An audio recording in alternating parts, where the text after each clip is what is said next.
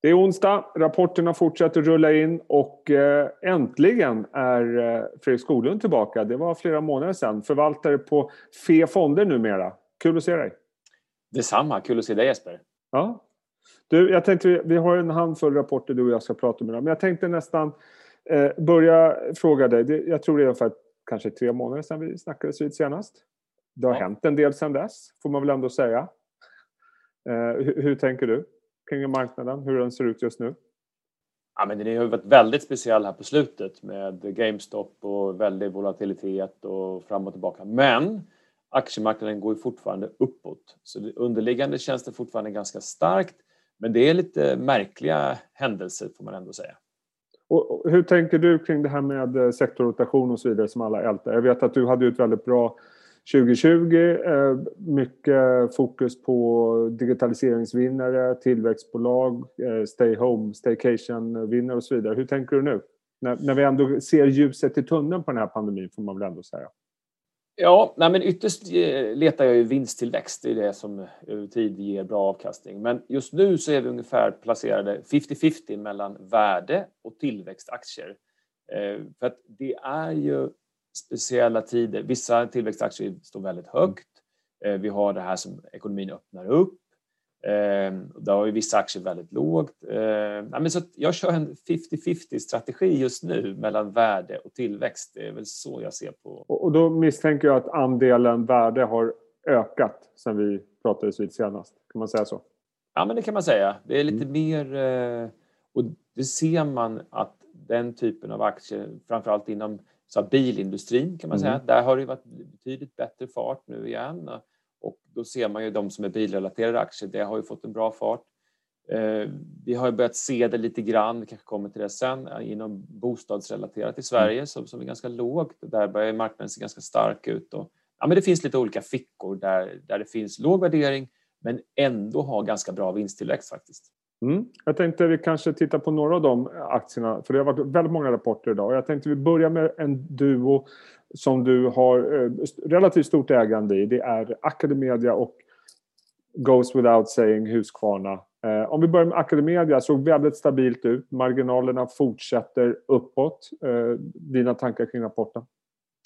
Ja, men dels gynnas de ju av att vuxenutbildning är väldigt starkt och marginalerna kommer tillbaka där. Det är ju vissa människor som drabbas nu som behöver utbilda sig. Där kommer stora volymer och eh, eh, bra fart på marginalerna. Och sen har de positiva effekter från att kostnaderna går ner då när man kör digitala skolor. Eh, så det är också positivt. Men å andra sidan i Tyskland så, så missgynnas de av att vissa förskolor är stängda, så där var det liksom svagare än väntat. Då. Men det kommer ju komma tillbaka sen under efter pandemin. Då. Nej, men jag tycker fortfarande att det här är en aktie som är ganska underskattad. Eh, det är bra, stabil underliggande vinsttillväxt. De kommer köpa lite fler skolor tror jag framåt eh, och värderingen är väldigt låg. Så det här är väl en, en klassisk eh, både värde och tillväxtaktie som jag fortsätter att gilla.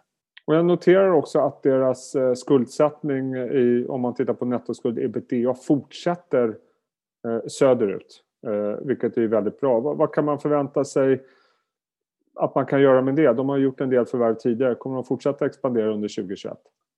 Ja, men jag tror det. Jag tror både att vi kan få se förvärv eh, och vem vet, det kanske till och med kommer någon liten fastighet eller något sånt där. Jag skulle inte bli helt förvånad. Eh, men eh, framförallt förvärv tror jag det kommer komma. Så att eh, den underliggande tillväxten demografiskt är ju stark både i, i vår region men även i Tyskland på förskolor. Men sen kommer de krydda det med förvärv.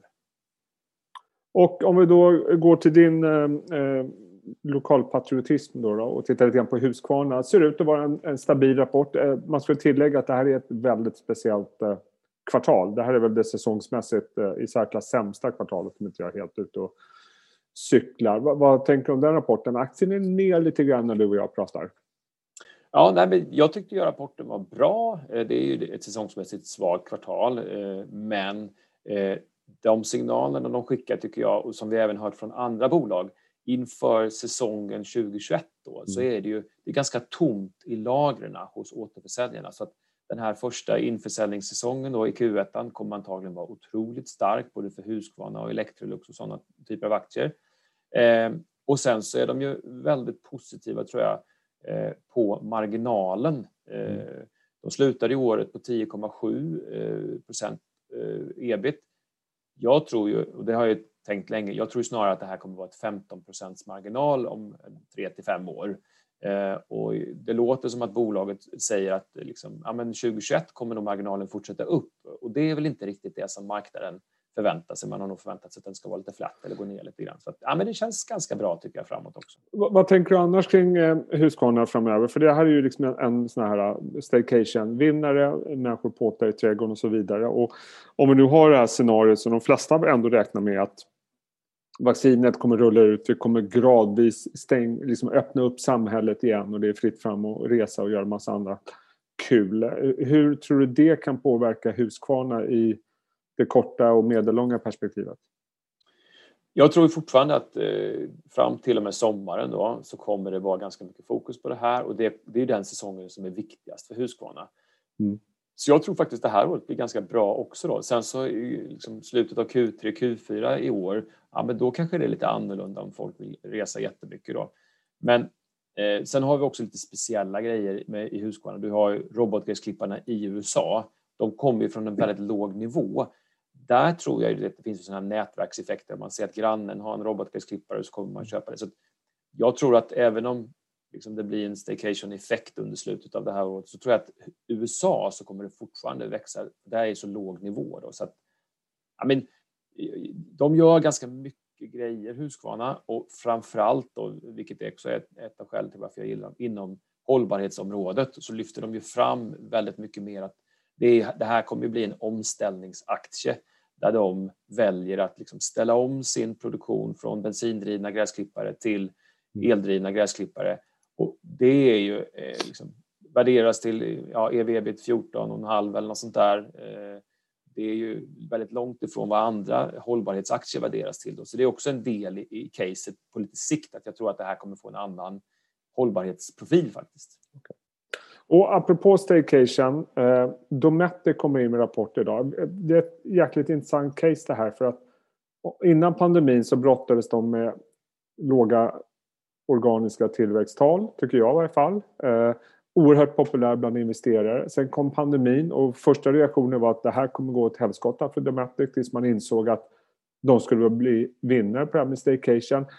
Och nu har man sett de senaste kvartalen att den organiska tillväxten har rört sig norrut. Lönsamheten står fortfarande och skvalpar lite grann. Vad tycker du om Dometic? Det händer inte så jättemycket med kursen på rapporten ska tilläggas. Inte just nu i varje fall. Nej, men Dometic är ju spännande. Eh, den är faktiskt lite dyrare än Husqvarna i värderingsmässigt, vilket ja, man kan ha åsikter kring. Eh, men eh, Dometic, de har ju ett stort omställningsprogram, både mm. på liksom produktionsanläggningen men på, även på produktutbudet etc. Och sen har de nu då en jättestark medvind av en stark marknad med liksom, RV-marknaden eller husbilsmarknaden har varit stark och sådär. Jag tror att det kommer fortsätta vara en ganska stark husbilsmarknad fram till och med sommaren i linje med att vi, liksom, resorna kommer igång kanske efter sommaren.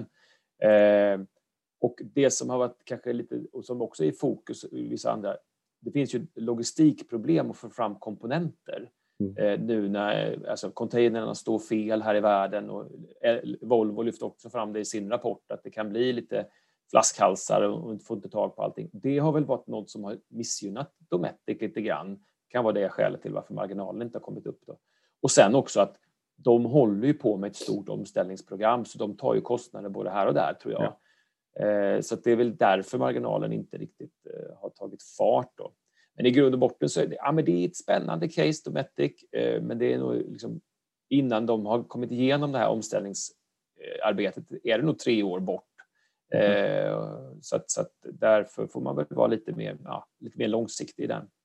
Mm, ja, intressant. Jag hade väl hoppats på att marginalen kanske ändå rörde sig lite mer norrut med tanke på att om det är något vi har lärt oss i Q4 så är det att eh, många bolag har rapporterat om att kostnaderna har varit eh, osedvanligt låga på grund av att man inte mm. kunnat gjort några mässor eller försäljningsarbete och så vidare.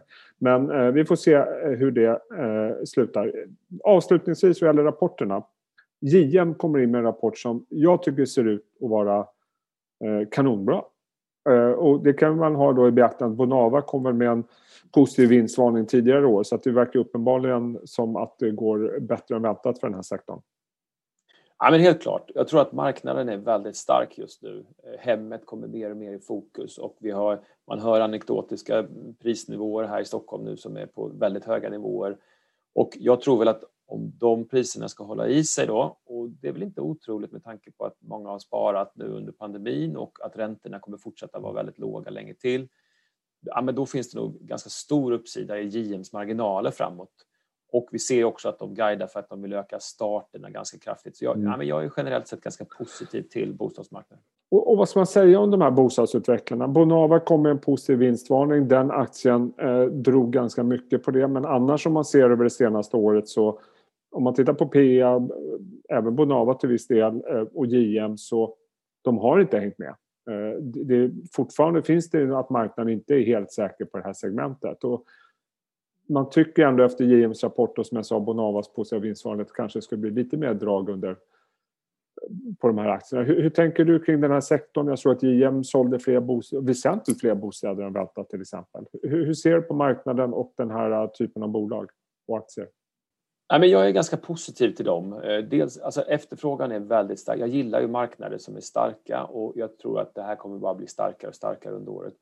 Vi har ju sett det även på hyresrättsmarknaden. Mm. Alltså, så är ju SBB, de köper allt. Liksom. Och i vissa marknader just nu i Sverige så är det, det är lika dyrt att köpa en bostadsrätt som det är att köpa en, en hyresrätt, alltså för ett kommersiellt bolag. Då. Så att det gör mig då ganska liksom, övertygad om att det finns stor efterfrågan, då kommer JM och Peab och Bonava, de kommer alla öka produktionsstarterna ganska kraftigt under mm. 2021. Eh, och med tanke på att priserna är väldigt höga så tror jag även att marginalerna kommer komma upp. Då. Så kombinationen ökad tillväxt och högre marginaler brukar vara ganska bra, speciellt då när kurserna, som du sa där, de är ju faktiskt ganska låga jämfört med JM stod fortfarande lägre än innan pandemin. Liksom. Så att, eh, men jag är ganska positiv framåt på de här, alla de här aktierna. Och en av dina favoriter, Peab, har kapitalmarknadsdag om inte allt för långt framöver. Vad har du för förväntningar på den? Ja, men det, Peab brukar inte vara så outspoken, to say the least. Men, men jag tror att de kommer berätta lite mer om eh, ökat fokus på bostadsmarknaden. De har ju, som jag sagt innan, säkert 34 000 mm. bostadsbyggrätter. Borde egentligen starta 7 000 eh, starter per år.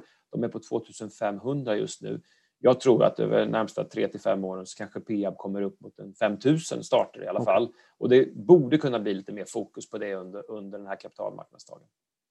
Ja, spännande. Du, vi lämnar eh, rapporterna. Jag tänkte vi skulle hinna med ett par andra smågrejer också. Jag tänkte börja med, för jag såg i din lista på aktier du äger så var Dustin med. Eh, den har väl gått bra i år om jag inte är helt ute och cyklar men har inte gjort något sån här jättemycket väsen av sig om man tittar på ett par år tillbaks. Eh, tittar man på siffrorna så är det en bra rapport. Organisk tillväxt på 5% Det är låga marginaler. Eh, varför ska man äga ett lågmarginalbolag som mm. Dustin?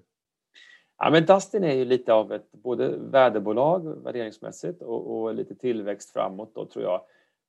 Många av de trenderna som har hänt här under 2020 har spelat Dustin väldigt mycket i händerna. Om vi ska utgå från, som vissa säger, Ericsson har sagt att kanske man ska sitta 50-50 på kontoret och hemma efter det här, då kommer vi behöva ha ett kontor även hemma. Och det är det vi ser i Dustin just nu. De har en väldigt stark marknad på mm. att många behöver liksom bygga upp kontor hemma.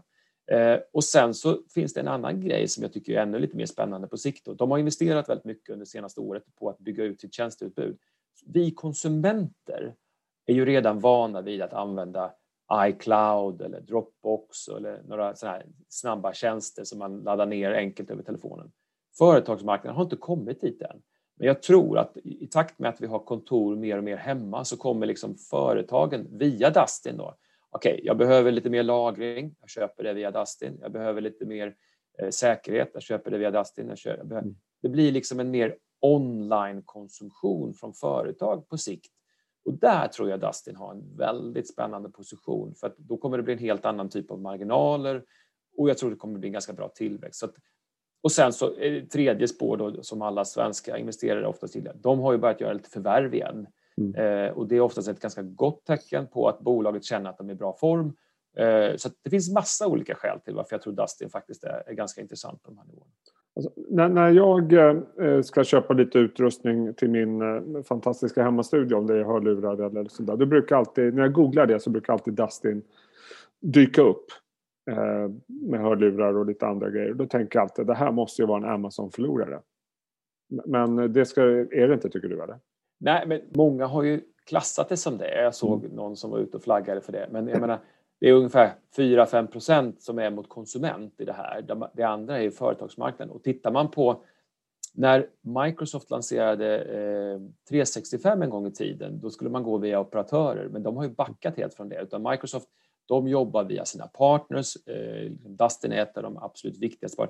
Och framförallt inom små, alltså SMB, alltså småföretagssegmentet, där kommer aldrig de här aktörerna gå ner. Det måste ha partners som Dustin som sköter det där. Så att jag tror det finns en liten missuppfattning av vad Dustin är och att man ska då drabbas av Amazon. Jag tror faktiskt inte det. Eh, för att eh, på sikt så tror jag liksom att eh, den här företagsmarknaden, man vill ha sin partner att jobba med och där är Dustin har en väldigt stark position. Mm, ja, spännande att följa. Du, avslutningsvis, eh, en av dina gamla favoriter, Embracer, slår till nu på morgonen med tre förvärv. Jag tror, om jag har räknat rätt, och det ska man ifrågasätta kraftigt, eh, är att man adderar ungefär 370 miljoner dollar i omsättning, 130-140 eh, i ebit. Det är ett väsentligt tillskott och påverkar siffrorna mycket för Embracer. Eh, hur ser du på det här? Jag tror vad det skulle kosta 1,1 miljarder dollar minst, eventuellt mm. tillägg också. Mm. Bra affär. Marknaden hyllar det. Den är upp 10-11 procent när vi pratar. Ja, nej, men jättespännande affär och eh, det är ju tydligt så att de fortsätter sin konsolideringsresa. Eh, Lars Wingefors med team, de, de eh, har siktet högt och eh, marknaden uppskattar det. Eh, vinsttillväxt över tid är ju det som driver aktiekurser och eh, både förvärvad och organisk såklart. Nej, men jag tycker fortfarande att det här liksom, är ett spännande case och tittar man lite längre fram här jag skulle inte mm. bli förvånad om Embracer kanske liksom flyttar till den stora listan vad det lider. Eh, och då finns det också den här effekten, du vet att de, de är inte med i index och sådär nu. Nu är bolaget är väl 100 miljarder snart liksom. Mm. Och det kommer få andra effekter om de gör den flytten sen också, eh, vad det lider. Så att, eh, nej men Embracer känns fortfarande som ett eh, bra case. Risk för växtverk? Det har ju alla flaggat för väldigt, väldigt mm. länge eh, och det är klart som attan att det, det är, eh, finns det. Men Embracer jobbar ungefär som Indutrade och Lifco och många andra hyllade aktier. Att man integrerar inte jättehårt eh, de här spelstudiosna utan de får ju vara eh, fristående. Mm. Man tar eh, liksom del av fördelarna som finns att vara i det här nätverket. Och, så att att jag är inte så orolig för det. De har lyckats eh, göra det här framåt och, och jag menar huvudkontoret eh, i Karlstad, liksom, det är inte jättestort. Eh, utan det är, det är att det bygger på att det är en ganska out, alltså, att bolagen sköter sig själva där ute och det har de lyckats bra hittills tycker jag. Mm, spännande. De är duktiga minst sagt det här bolaget. Kul att se er igen, Fredrik. Detsamma Jesper. Eh, kul att höra dina tankar. Vi hörs snart igen och tills dess lycka till i Rapport i djungeln. Tack så du ha, detsamma.